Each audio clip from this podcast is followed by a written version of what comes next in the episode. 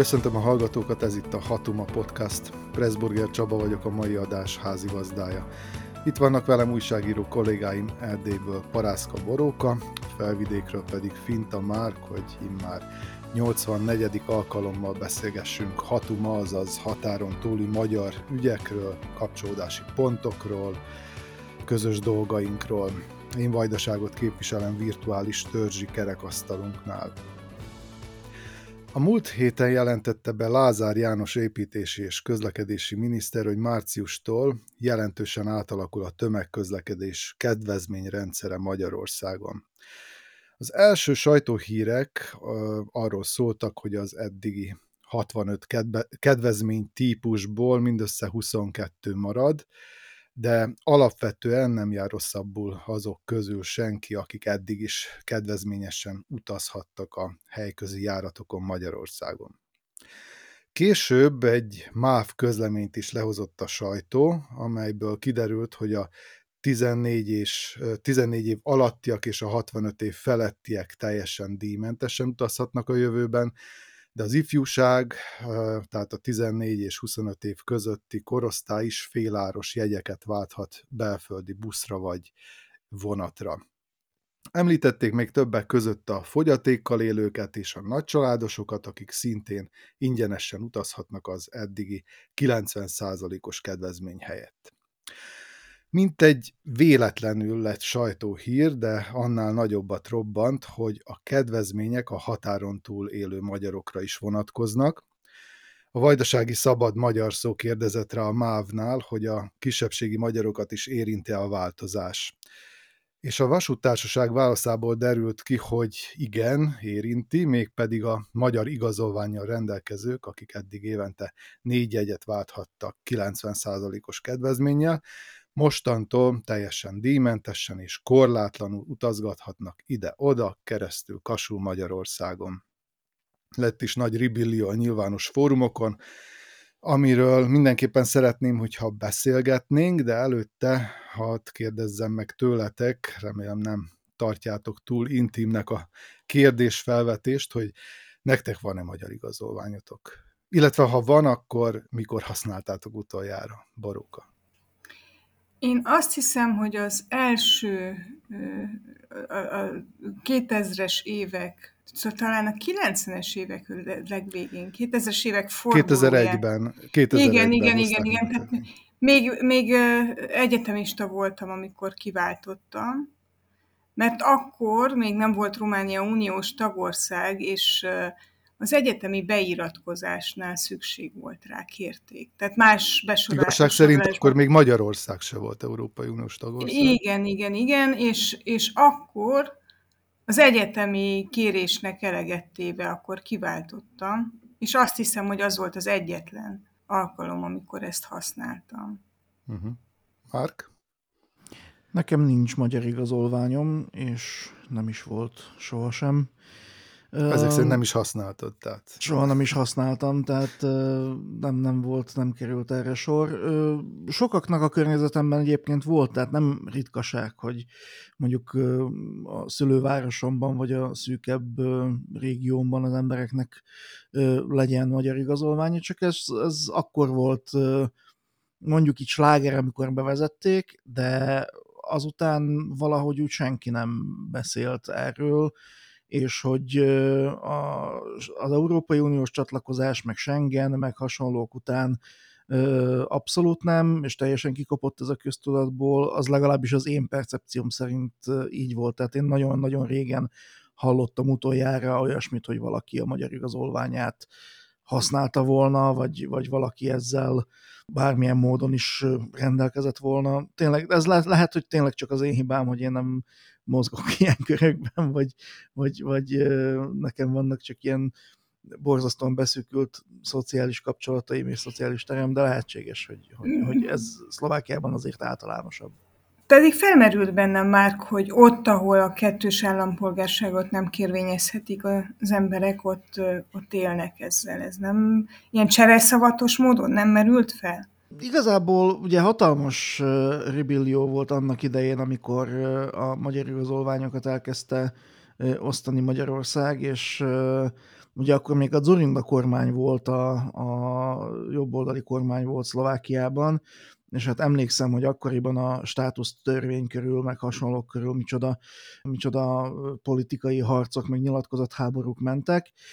Lehet, hogy a, a, akkor, vagy abban az időben ez is hozzájárult ahhoz, hogy nagyon sokan éltek ezzel a lehetőséggel, de valahogy utána nem, nem, nem, nem tudom, hogy ez ilyen egyértelmű lett volna, és hát az állampolgárság kapcsán sem éreztem úgy, hogy, illetve a kettős állampolgárság tiltása után sem éreztem úgy, hogy ö, ezt valamilyen pótlékként kezdték volna esetleg marketingelni, vagy a fene tudja felfuttatni ismét a közbeszédben, hogy igenis van a magyar igazolvány, és igenis lehet vele élni.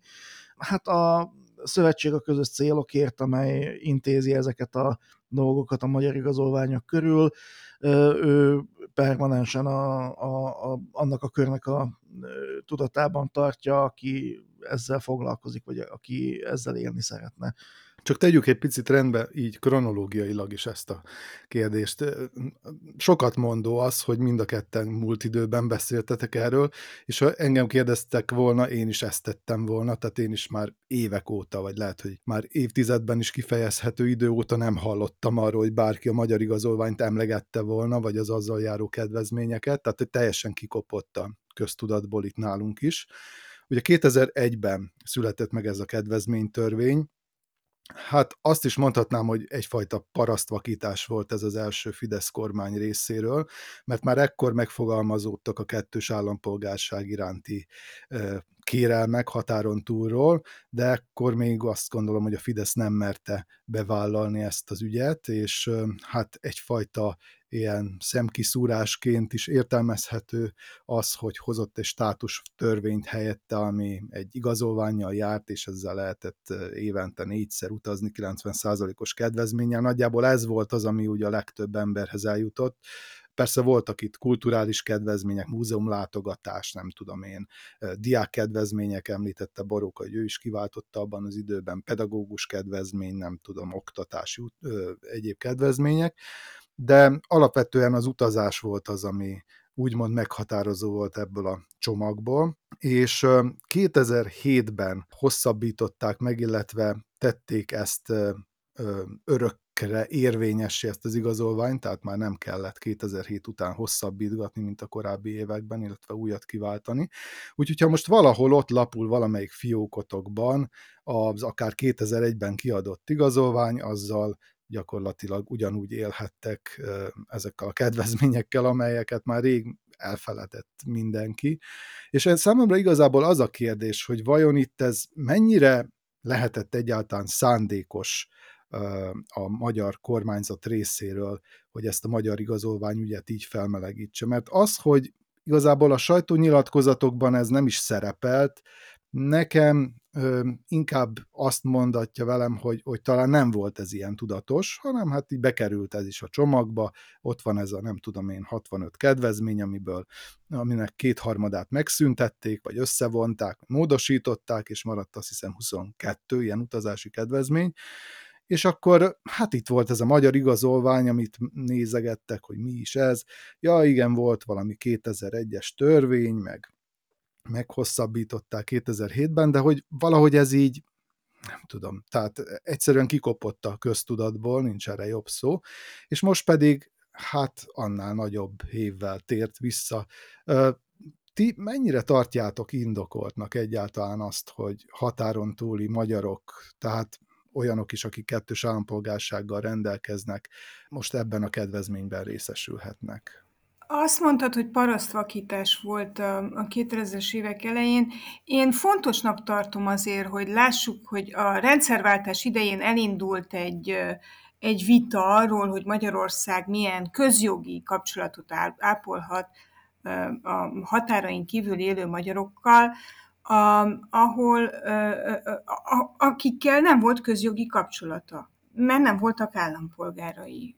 Megkülönböztetni pedig a szomszédos állam polgárait etnikai alapon, az minden nemzetközi jogot felrúg. Tehát ez, ez nem volt működőképes. És elindult egy ilyen hosszas folyamat, ami egy ilyen lavina, ami görgetődött 2005-ig, a kettős állampolgár, vagy 2010-ig, a kettős állampolgárság bevezetéséig, amiben keresték a különböző kiskapokat, és a, a, magyar igazolvány bevezetése az valóban egy ilyen nemzetközi sok volt akkor. Mert mi történt, hogy a magyar állam adatokat gyűjtött és rögzített a határain kívül. Sőt, okiratokat bocsátott ki a határain kívül. Mert hogy itt lehetett átvenni, tehát Romániában lehetett átvenni.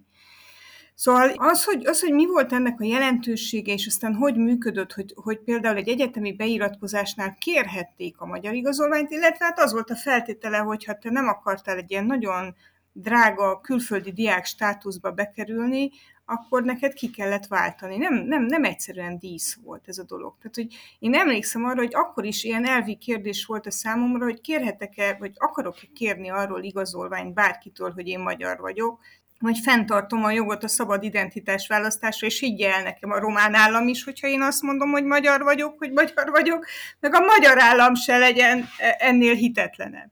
De aztán ki kellett váltani, mert másképpen nem, nem, nem tudtam volna folytatni a tanulmányaimat. És aztán az, hogy ez a, ez a furcsa helyzet kialakult, hogy, hogy Szlovákiában végül is ne, nem váltak kettős állampolgárá. A szlovákiai magyarok nagy része nem vált kettős állampolgárá a szlovák állam tiltása miatt. Hát innentől kezdve erről keveset beszélünk, hogy mennyire felemás ez a helyzet, meg mennyire, hogy mondjam, igazságos, igazságtalan, tehát hogy semmiképpen van valami nagyon abnormális ebbe a helyzetbe. És, és azt hiszem, hogy innen kell kiindulni, amit most látunk, az nyilván egy kampány. És nem választható el a vasutok, vasutok válságától, a közszolgálatok válságától, az államok válságától, nem csak a magyar állami vasútok válságától, hanem a környező országok válságától. De azért azért érdemes visszamenni ehhez az állampolgársági kérdéshez, hogy hogy van ez, hogy mégiscsak van egy ö, magyar állampolgári közösség, meg nem is, meg ilyen, ilyen faramúci helyzetbe kerülnek emberek tömegei. Amikor azt mondod, hogy kampány, akkor mire gondolsz? Tehát, hogy, hogy, hogy ez a magyar igazolvány újra köztudatba hozása, ez a magyar kormányzat egyfajta kampánya lenne?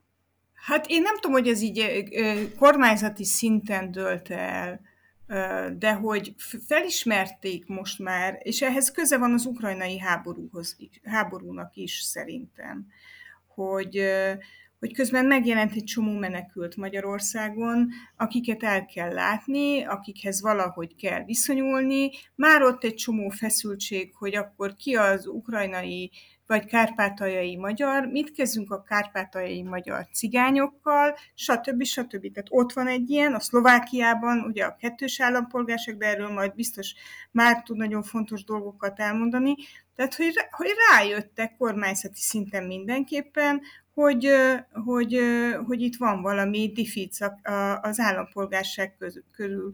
És a másik dolog, hogy nem biztos, hogy, hogy kormányzati kampány lehet, hogy ellenzéki kampány, mert én azt látom, hogy a magyar ellenzék zöme évek óta nagyon jól mozgósít határon túli közösségek elleni izgatással. Tehát ebbe, ezt azonnal felkapják, azonnal beleélik magukat, úgyhogy ezt is majd érdemes lesz tovább gondolni, de én, én nagyon kíváncsi vagyok, hogy már mit mond erre a Magyarország, magyar igazolvány állampolgárság viszonyra. Nagyon nehéz kérdés. Az az igazság, hogy maga az egész történet egy annyira furcsán és váratlanul érkező történet volt, hogy rengetegen írtak rám, meg, meg kerestek meg engem, hogy, hogy mit szólok hozzá, és mi az én első reakcióm ezzel az egésszel kapcsolatban, mert hogy ők úgy gondolják, hogy ismét van egy ok, ami miatt lehet minket határon túli magyarokat utálni Magyarországon, és minden, nagyon sok embernek ez volt az első gondolata ezzel az egésszel kapcsolatban. És arra jutottam, hogy igazából ez a lépés akarva akaratlanul is egy nem létező problémát old meg a határon túli magyarokkal kapcsolatban, viszont egy létezőre erősít rá.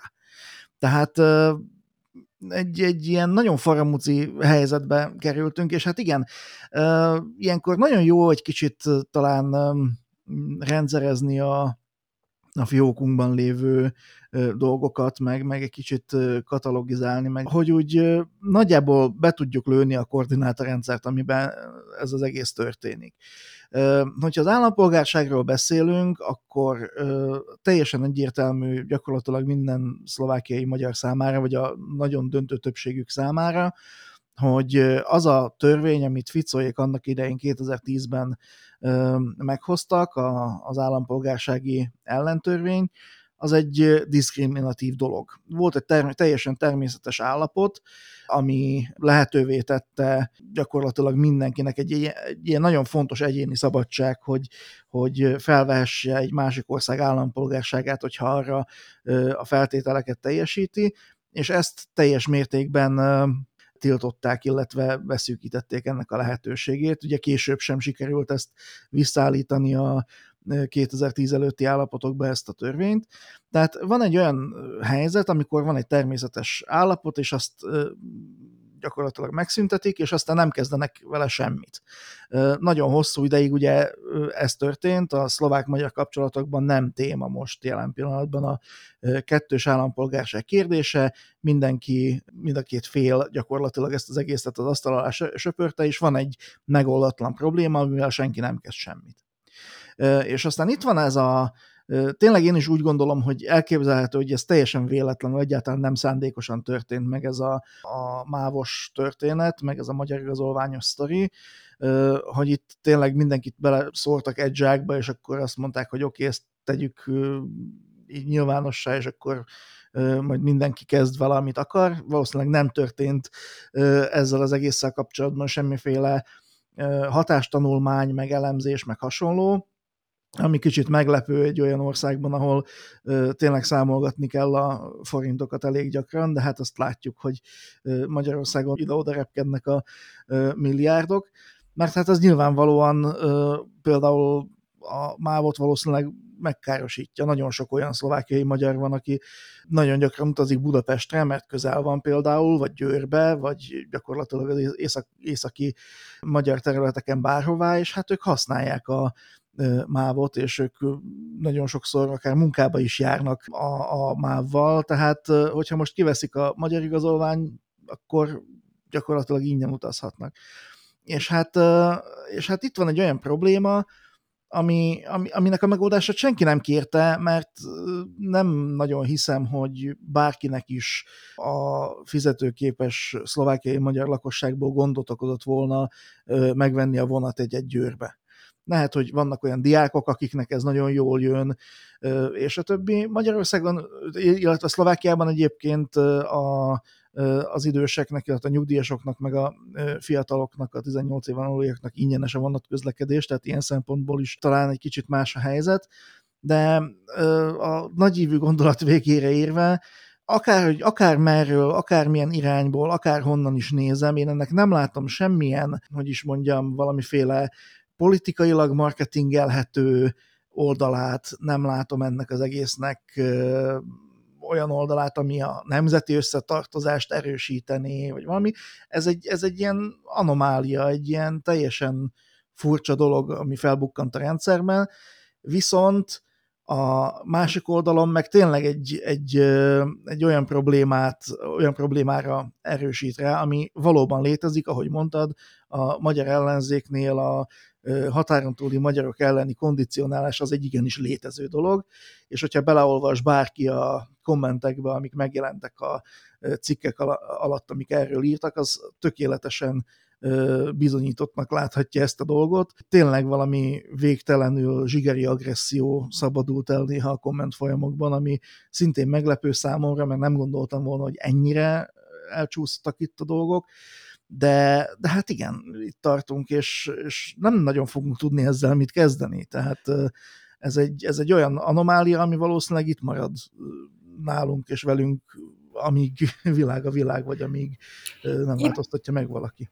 Itt szeretném felvetni, hogy vajon most, hogy, hogy a magyar-szlovák viszony ennyire virágzóvá vált, nem merült fel az, hogy bárki is felvesse, hogy végre ezt a kettős állampolgársági törvényt Szlovákia gondolja át tekintettel a jó viszonyra. Most túl vagyunk a Robert Fico budapesti vála, ö, ö, látogatásán elszalasztott a magyar kormány egy jó alkalmat, de lehet még erre jó alkalom. Nincsenek ilyen felvetések, ez valószínűleg azért, mert annyira beíródott már ez a történet a Fidesznek is, meg a, meg a Smernek is a mitológiájába, hogy ez, ezt megváltoztatni, vagy ezzel valamit kezdeni. Ehhez lehet, hogy valami jobb alkalom kellene, vagy nem tudom, jobb, hogyha az emberek ott a, a mind a két párban egy kicsit a talomban tartják, vagy, a, vagy az ingújban tartják azokat az ütőkártyákat, amiket aztán el, elő lehet szedni, hogyha majd esetleg mégis megromlana a kapcsolat, a fene tudja.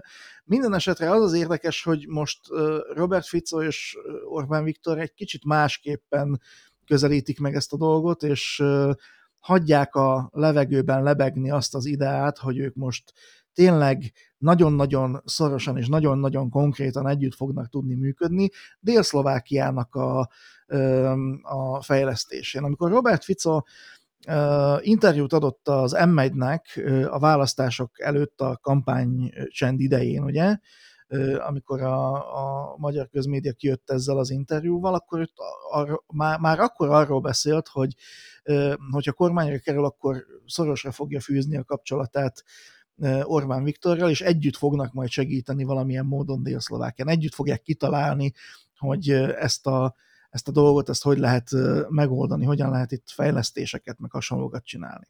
És most, amikor találkoztak, most is ilyesmi hangzott el, hogy ők most nagyon-nagyon konkrét akciótervet akarnak átgondolni ezzel kapcsolatban, viszont semmi konkrétum nem hangzott el, ezek így a levegőben lebegnek ezek a dolgok, viszont az embereket ugye kondicionálják arra, hogy hát itt most ez a, az az egyetlen lehetőség, ez az egyetlen kitörési lehetőség a Dél-Szlovákia gazdaságának, infrastruktúrájának, társadalmának, stb., hogy ez a két ország, ez valami éteri, eszenciális együttműködésben ők majd megmentenek mindenkit, és tök jó lesz. Na, még mielőtt folytatnánk ezt a témát, mert nyilván beszélnünk kell a Fico-Orbán találkozóról is, illetve a Fico forró találkozóról is, ami ezt megelőzte, de szeretném, hogyha még egy picit elidőznénk ennél a magyar igazolvány kettős állampolgárság kérdéskörnél, ugyanis már a bevezetőben is említettem azt, és most arról beszéltetek is, hogy, hogy tényleg valami zsigeri indulatok jöttek elő a komment szekcióban, és hát nyilván ez a a szociális hálók nem igazán az érvek és ellenérveknek a, a terepét képezik, de talán találkoztatok érvekkel, ellenérvekkel, ha nem is a komment szekcióban, de esetleg más fórumokon, hogy mi az, amivel hát indokolhatóvá tehető, vagy amivel azt lehet mondani, igen, valóban a határon túli magyaroknak ezért és ezért igenis járnak utazási kedvezmények Magyarországon, és vagy éppen ellenkezőleg ezért és ezért nem kellene, hogy járjanak. Tehát én ilyen cizellált érvekkel nem találkoztam, mert hogyha ilyen cizellált érvek lennének, akkor hozzá kéne tenni, hogy mivel járnak a, a, a határon túli magyarok Magyarországra és Magyarországon ahhoz, hogy kedvezményben részesüljenek. És akkor el kellene mondani, hogy Romániából manapság vonattal nagyon nehéz Magyarországra menni, mert nincsenek, vagy alig vannak járatok, és amúgy is ez a kedvezmény a nemzetközi vonatokra nem érvényes. Az pedig, hogy megszakítsd az utazást, azt mindig kikéri magának leginkább a MÁV első jegyellenőre. Tehát, hogy, hogy ilyen szempontból is irracionális a dolog, de én azt hiszem, hogy, hogy az, hogy ilyen, ilyen felhördülés lett, abból az látszik, hogy milyen információ hiányos a, a magyar társadalom, és mennyire automatizmusokra van ráállva. Tehát most már mondhatjuk, hogy évek óta csökkennek a határon túli támogatások. Egy éve drasztikusan. Még mindig nincs benne a köztudatban. Még mindig az az elsődleges reakció, hogy aránytalanul és igazolhatatlanul sokat kapnak a határon túli magyarok. Ez nem jelenti azt, hogy ne lett volna méltánytalan vagy aránytalan a támogatási rendszer, vagy nem lehetne kritizálni, de nagyon is lehet, transzparensebbé kellene tenni, szóval kéne tudni követni a, a pénzeket, de nem lehet követni a pénzeket, ezért aztán mindenki elkezd fantáziálni, és megszületik a pénzéhes határon túli magyar rémképe, aki, aki minden olyasmiben részesül, ami Magyarországon nem elérhető, vagy nincs meg. És innentől kezdve a határon túli magyar az egyike a közélenségeknek. A menekültek, úgynevezett migránsok mellett, a, a muszlimok mellett, a melegek mellett, ott vannak a, a romák mellett, ott vannak, ugyanúgy ott vannak a határon túli magyarok.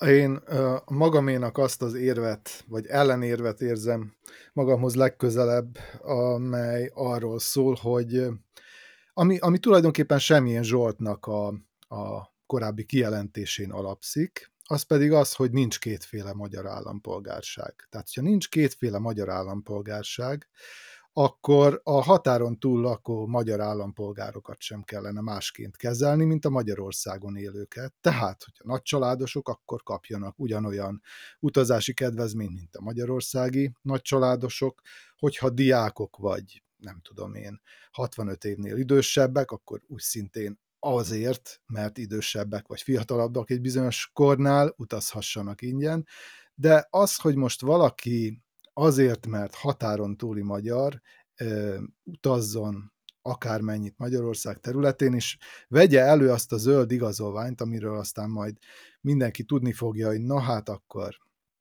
mit gondolok én erről az emberről. Tehát nagyon-nagyon nehéz helyzetbe hozzák így a, a, a határon túli magyarokat is tulajdonképpen ezzel a, ezzel a kedvezménnyel, mert hát mondhatni azt, hogy közutálat tárgyává válik az, aki, aki egy ilyen igazolványt fölmutatva akar utazni Magyarországon. Vagy legalábbis nagyon sokak nagyon csúnyán fognak nézni. Jó esetben csak nézni. Egy kicsit visszatérnék én a, a támogatásokhoz.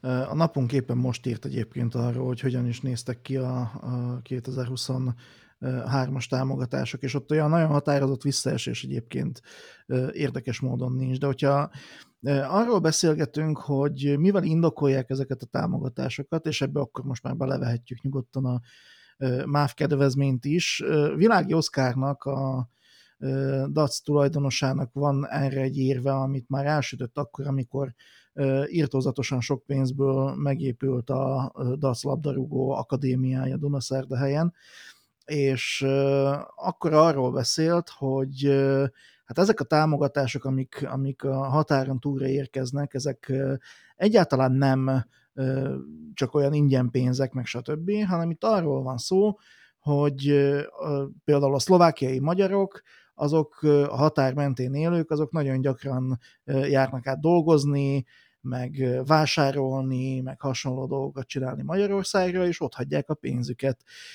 Úgyhogy ők is hozzájárulnak a magyar államkasszához, de ezért ők nem kapnak tulajdonképpen hivatalosan egy semmit, nem, nem jár nekik vissza tulajdonképpen semmi úgy, mint a magyarországi magyaroknak, akik szintén adóznak, meg, meg vásárolnak, meg ilyesmi. És hát ilyen szempontból abszolút indokolható az, hogy a határon túlra érkeznek mindenféle támogatások. És ezt senki nem tette úgy nagyjából arányba, hogy ugyan már mennyit adózhatnak a határon túli magyarok Magyarországon, meg a vásárlásaikból mennyi adó folyik be a magyar államkasszában, mert hát ezt mondjuk lehetetlen gyakorlatilag megállapítani. De hogyha ezt az érvet így a levegőben hagyjuk, akkor az, az is mondható, hogy igen, hát végül is ez az egész indokolható. De csak nem kell számokat tenni mögé, hanem elfogadni a tényt, hogy, hogy ez így van, és akkor így már meg tudjuk magunknak magyarázni, hogy miért is kapunk annyi pénzt Magyarországról a, a határon túli magyar szervezetekhez. De hát itt ugye arról van szó, hogy ezt a pénzt ezt a határon túli magyar szervezetek kapják nagyon gyakran lojalitás alapján, és nem úgy érkezik meg, hogy lenne valami olyan, olyan, olyan intézmény vagy intézményrendszer Szlovákiában, akik, amely ezt a pénzt valamilyen más kulcs alapján osztaná el, vagy pályázni lehetne rá, vagy átláthatóan történne ez az egész. Tehát van egy csomó, csomó mindenféle defektje ennek az egésznek, csak valahogy erről senki nem beszél, mert az egész téma valamiféle szimbolikus térben, valamiféle limbóban lebeg, és senki nem tesz mögé komolyan vehető és igazi számokat, amikből aztán valamiféle komoly következtetéseket lehetne levonni. Úgyhogy tulajdonképpen ez az egész történetnek a, a, az állapota, és hát erre az évre, hogy hát a szlovákiai magyarok, akik dolgoznak, meg, meg vásárolnak Magyarországon, azok hadd utazzanak már ingyen vonaton, hogyha kiváltják a magyar igazolványt, hiszen ők is beletesznek a, a magyar államkasszába, de, de ugye ez, ez, ez, ez a két évrendszer, ez valahogy nem keresztezi egymást, nincs egy ilyen Venn diagram, vagy valami ilyesmi, ami, ami alapján ez, a, ez az egész valahogy, tehát két külön pályán fut az egész. Csak, csak ez az érvelés már elfedi az, a magyar igazolvány létrejöttének az okát, tehát hogy nem azért jár a kedvezmény, mert hozzá, nem, nem látom be, hogy miért járulna hozzá a magyar államkasszához. Az, tehát ilyen alapon, aki Magyarországról Romániába jár ben, olcsóbb benzint vásárolni, annak járna legalább egy minimum egy ingyen autópálya matrica, hiszen a román államtól veszi a benzint, nem?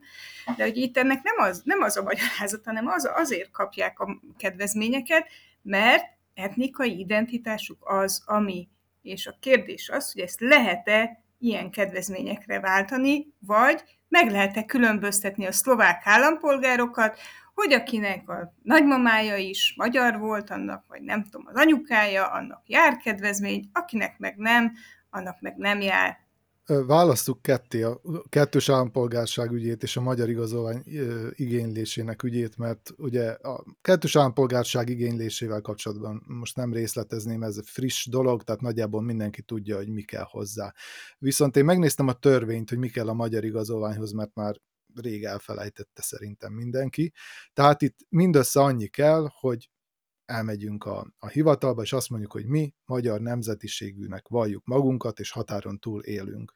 És már is jár a magyar igazolvány. Sőt, nem csak nekünk, hanem az akár nem magyarnak, önmagát nem magyarnak valló házastársunknak, élettársunknak, és a gyerekeinknek is automatikusan egy úgynevezett hozzátartozó igazolvány. És ha már a számoknál tartottunk, akkor még csak azt említeném meg, hogy a belügyminisztérium kimutatása szerint a tavalyi év közepéig 900 ezer, tehát 900 ezer magyar igazolvány adtak ki, illetve ennyi van tehát forgalomban, vagy ennyi érvényes magyar igazolvány létezik valahol, valamelyik fiók legmélyén, és hát az igényléssel kapcsolatban is vannak számok, tehát hogy havonta mennyien igénylik, és hát ez néhány százra tehető, ami még így is meglepő számomra legalábbis, hogy, hogy néhány százan, nem mondom, hogy több százan, de néhány százan hónapról hónapra új emberek igénylik a magyar igazolványt. Tehát azért nem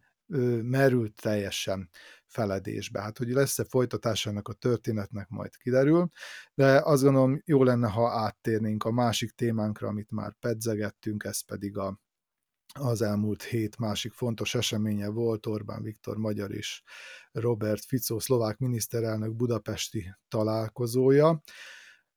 Fico beiktatását követő második külföldi útja Csehország után Magyarországra vezetett, ami mindenképpen jelzésértékű, és hát az eseményről készül beszámolóból az világlott ki, hogy a két politikus nagyon jól megértette egymást, vagyis a szavak szintjén, mondhatni mindenben teljes volt az összhang, Brüsszel, Kiev, Moszkva, migránsok, szóval ezeknek a megítélésében teljesen egy húron pendült a két politikus. De most, hogy ez mennyire fedi a valóságot, és mennyi ebből a retorika, erre szintén majd kitérhetünk, de előbb beszéljünk a kormányfői találkozót közvetlenül megelőző egy nappal korábbi Ficó forró tárgyalásról, ugyanis a magyarországi látogatás előtt Robert Fico Forró Krisztiánnal a Magyar Szövetség elnökével egyeztetett. Hát a találkozóról kiadott semmit mondó közlemény szerint a szlovákiai magyar közösséget és a déli régiókat érintő legfontosabb kérdésekről, jelentsen ez bármit. Márk, téged kérdezlek, milyen jelentősége lehet ennek a, ennek a találkozónak? Mekkora jelentőséget kell neki tulajdonítani? Ez most egy gyönyörű barátság kezdete, vagy azért még nem tartunk itt? Hát ez egy olyan gesztus Fico részéről a, a Magyar Szövetség felé, ami egyrészt a politikai logikába jól illik, másrészt erre a, a forró Krisztiánik valószínűleg már nagyon-nagyon régen vártak, hogy végre valaki pártszámba vegye őket a, a nagy politikában is, Robert Fico szintjén. Ugye a választások után forró Krisztián írt egy levelet Robert Ficónak, amire nem kapott nagyon sokáig választ, és hát ez azért hozzájárult ahhoz, hogy bizonyos szempontból még egy kicsit jelentéktelenebbnek tűnjön a, a Magyar Szövetség, mint amilyen jelentéktelennek tűnt a szlovák politikai színpad irányából, vagy abból a perspektívából. Az, hogy most találkoztak, az nyilván a, a szlovák közvéleményben ez nem fogja kiverni a biztosítékot, meg nem fog semmilyen különösebb mm, feltűnést kelteni, viszont az irányt a Magyar Szövetség számára bizony meghatározza. Tehát a szövetség jó ideig próbált valamiféle mm, nagyon-nagyon furcsa és, és bonyolult kötéltáncot járni azzal kapcsolatban, hogy most akkor Ficóval lehet-e közösködni, vagy nem lehet közösködni. Ugye a szövetségnek a DNS-ébe az volt annak idején kódolva, hogy Ficóval semmiképpen sem szabad semmilyen közösséget vállalni, mert az ősbűn. Ezt még azt sem tudta hatékonyan felülírni, hogy Orbán és Fico gyakorlatilag egy évtizede nagyon-nagyon jó barátságot ápolnak, és kiegyeztek, és tulajdonképpen egymás nagyon, talán legközelebbi szövetségeseinek tekinthetik egymást. Ezt, ezt nem lehetett viszont jól lekommunikálni a szlovákiai magyarok felé, mert a szlovákiai magyarok azok emlékeznek arra, vagy a nagy részük emlékszik arra, hogy mi történt Malina Hedviggel, mi történt a Dunaszerdai szurkolókkal, mi a helyzet a kettős állampolgársággal, hogyan nem engedték be annak idején Sólyom Lászlót az országba, és még lehetne sorolni azokat a megnyilatkozásokat, amiket ugye Fico annak idején elállített a magyarokkal kapcsolatban ki kellett várni azt, nagyon úgy tűnik, hogy ezek az emlékek ezek elhalványuljanak. Ennek jó indikátora volt az, hogy az októberi választáson megdöbbentően sok szlovákiai magyar szavazott a Smerre, mert bennük már felülírta a kultúrharc és a, a mindenféle populista érvek, meg hasonló dolgok a korábban elszenvedett sérelmeket, és egészen más irányba kezdtek el gondolkodni. Ezt a gondolkodásmódot nagyban befolyásolta ugye a magyarországi kormánypárti média, amit fogyasztanak, illetve a szlovákiai ma- magyar kormánypárti média, illetve a kormány által finanszírozott média, ahol finoman elkezdték tolni a Robert Ficói gondolatok helyességét, illetve hozzáállás helyességét hasonlítva az Orbáni politikához, és hát tulajdonképpen az egy ilyen öngerjesztő folyamatot indított el, ami alapján most tulajdonképpen az erős vezetőket ebben a két emberben látja a szlovákiai magyarok jó része. És hát itt volt ugye a Gyimesi faktor, Gyimesi Györgynek a hozzáállása, aki tűzön vízen át védelmezte Robert Ficot és politikáját, annak ellenére, hogy ez teljesen ellentmondott ugye a szlovákiai magyar politika korábbi logikájával, és ebbe beleállt, nem, nem táncolt, mint a Magyar Szövetség, és hát eljutottunk odáig, hogy gyakorlatilag Ficot már nagyon-nagyon könnyedén el lehet adni a szlovákiai magyaroknak, és végre a szövetség is rá tud lépni arra az útra, ami, ahol ahol beleillik a magyar és a szlovák kormány, illetve Orbán és Fico barátságába egy, egyfajta ilyen nem is azt mondom, hogy kapocs, mert ugye ez Híd. a kapocs szerep. Azt nem mondhatod. Igen, ez, ez lenne a másik, másik ilyen kifejezés, de egy ilyen, ilyen kis, nem tudom, ilyen kis középső gyerek, akire azért nem, nem fordítanak olyan nagy figyelmet, de néha azért azért ő is kap karácsonyi ajándékot, vagy valami ilyesmi. Nehéz ezt még pontosan definiálni, mert nagyon, nagyon korán van, de hát igen, lehet látni azt, hogy, hogy itt, itt bizony a Magyar Szövetség nagyobbik része, egészen biztosan a nagyobbik része, ez, ezt már nem lehet nagyon megállítani attól, hogy felülírva a korábbi ősbűnnek számító dolgokat, ők is valamilyen módon pragmatikus és közeli kapcsolatot ápoljanak a ficoféle politikai vonulattal. Van a szövetségben persze olyan politikus is, aki ezt elutasítja, Ilyen volt például Verény József, aki annak idején nagyon harcosan kiállt az ellen, hogy Eszmerrel bármilyen kapcsolatot ápoljon a, a szövetség, de már ő is úgy nyilatkozott, hogy hát a, ilyen-olyan dolgok érdekében mindenkivel kell tárgyalni, mindenkivel kell együttműködni. Akik maradtak, azok ugye az összefogás platformnak, a, vagy egykori összefogás platformnak a politikusai, Orosz Őrs vagy Mózes Szabolcs, akik viszont kimentek tüntetni a Fico kormány politikája ellen, mert ugye a Fico kormány most gyakorlatilag beszántaná az igazságszolgáltatás, illetve a hatóságok egy részét, módosítaná a büntető törvénykönyvet olyan irányba, hogy gyakorlatilag egy ilyen korrupciós petricsészévé tudná változtatni az országot, kiiktatná a különleges ügyészséget, most legújabban az is felmerült, hogy a nemzeti bűnöldözési ügynökséget, tehát rendőrség speciális vagy elit alakulatát is megszüntetnék, illetve átszerveznék. Úgyhogy ezzel ellen ők kimentek tüntetni, de hát itt ez egyfajta ellenzéki elköteleződést is jelentene, hogyha a szövetség kimenne, és hát ők ezt most nagyon nem engedhetik meg maguknak.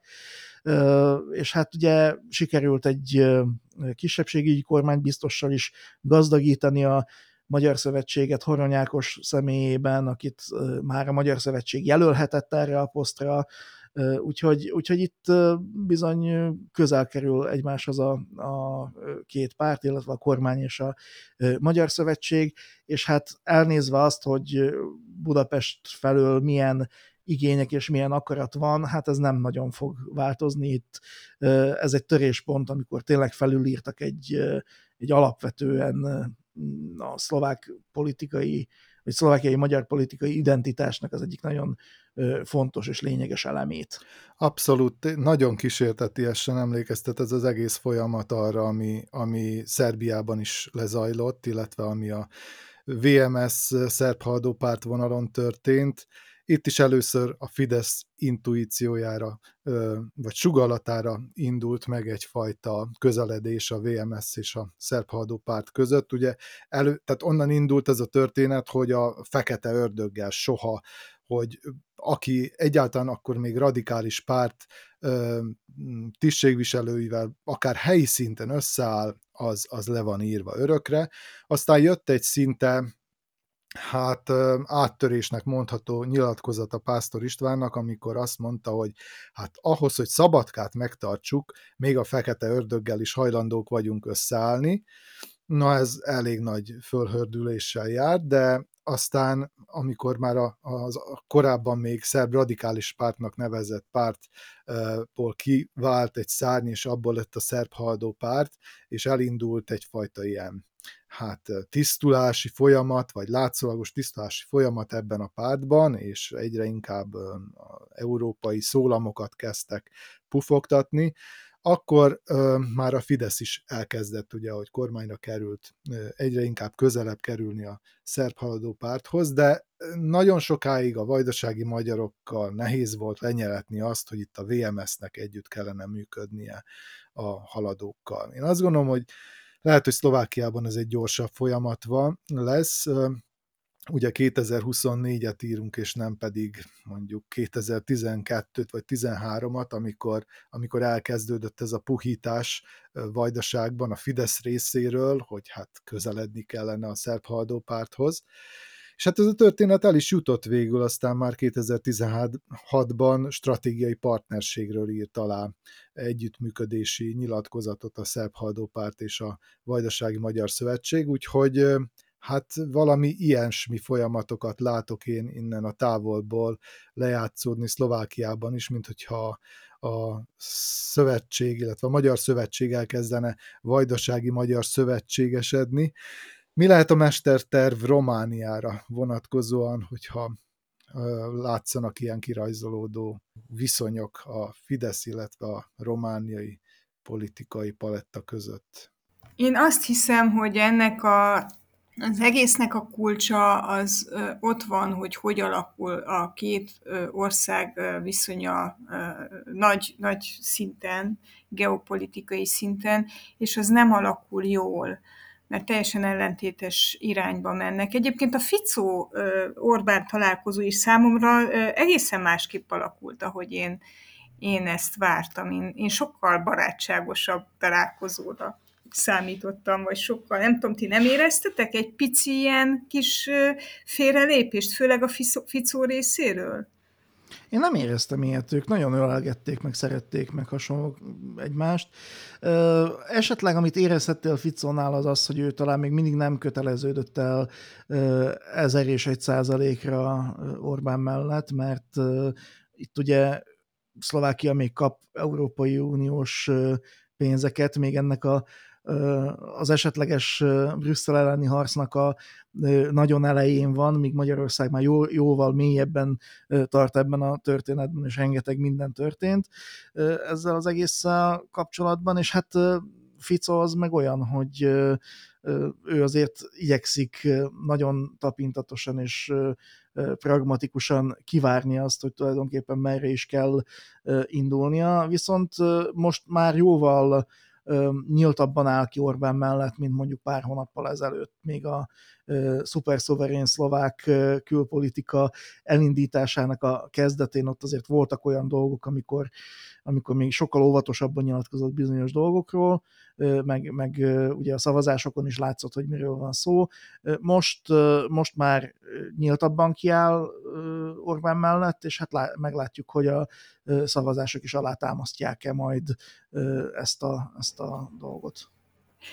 Csak azért kérdezem, mert én azt látom, vagy sejtem, hogy itt még a levegőben lóg a szlovák-lengyel viszony, Románia esetében rettenetesen fontos, hogy hogy alakulnak az amerikai választások, hogy mennyire sikerül ezt az amerikai gyarmat státuszt megőrizni Romániában, és ezt az európai, euróatlanti beágyazottságot, mert hogyha ezt sikerül megőrizni, és ez a pozíció megmarad, akkor Romániának nem lesz érdeke nem hogy közeledni Magyarországhoz, hanem barátságosnak lenni, és, és ha ez így lesz, akkor, akkor az RMDS nehéz helyzetbe kerül, mert, mert ő, ő viszont nem tud eltávolodni a Fidesztől. Ha nem tud eltávolodni a Fidesztől, nehezen tud beilleszkedni egy román kormányba.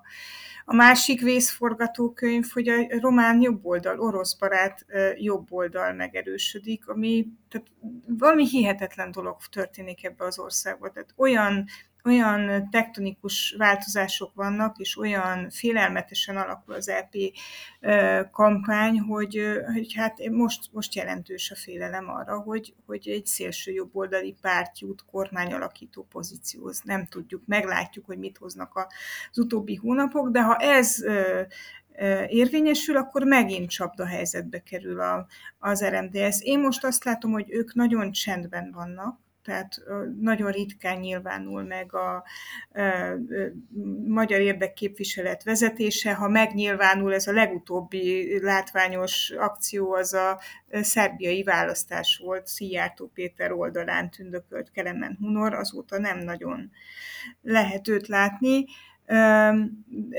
Tehát ilyen szempontból kivár, és folyamatosan riogat, vagy hát folyamatosan figyelmeztet a szélső jobb oldal megerősödésére, amivel nem tud mit kezdeni. És az a nagyon érdekes, hogy, hogy erdélyi magyarok is hát hogy mondjam, közel kerülnek, vagy zavarba jönnek ettől a, a szélső jobboldali erősödéstől. Kicsit ugyanaz a folyamat játszódik le, amiről már te beszéltél, az erős emberek politikája beérik hogy annyit hallgat, annyira intenzíven érte ez a magyar oldalról is támogatott orosz típusú propaganda az erdélyi magyarokat, annyira elhitték azt, hogy például a kisebbségi jogok védelme és képviselete moszkvai mintával és segítséggel történhet. Vagy például az oltás ellenes kampány olyan sok erdélyi magyart mozgósított, hogy most kezdenek megjelenni a román szélsőjobboldali pártok rendezvényein, támogatói között, és nem, nem tudják ezt a kognitív diszonanciát feldolgozni, hogy közben egy olyan pártot támogatnak, amely nem mellesleg magyar ellenes is. Úgyhogy egy ilyen kivárós helyzetben vagyunk, és hát nagyon-nagyon kétséges, hogy mi lesz az önkormányzati helyek sorsa, hogy mennyire számít majd itt, hogy ki kinek a támogatottja, erodálták a saját embereiket az RMDS politikusai. Olyan belső harcok vannak, alig érezhető belső harcok, hogy nagyon nehéz lesz egy nyugodt választási kampányt, önkormányzati választási kampányt lefolytatni, Fidesz támogatással vagy anélkül, most már teljesen mindegy, tehát egy ilyen, egy ilyen de mindenki háborúja mindenki ellen állapot érett meg a magyar, erdélyi magyar közéletben.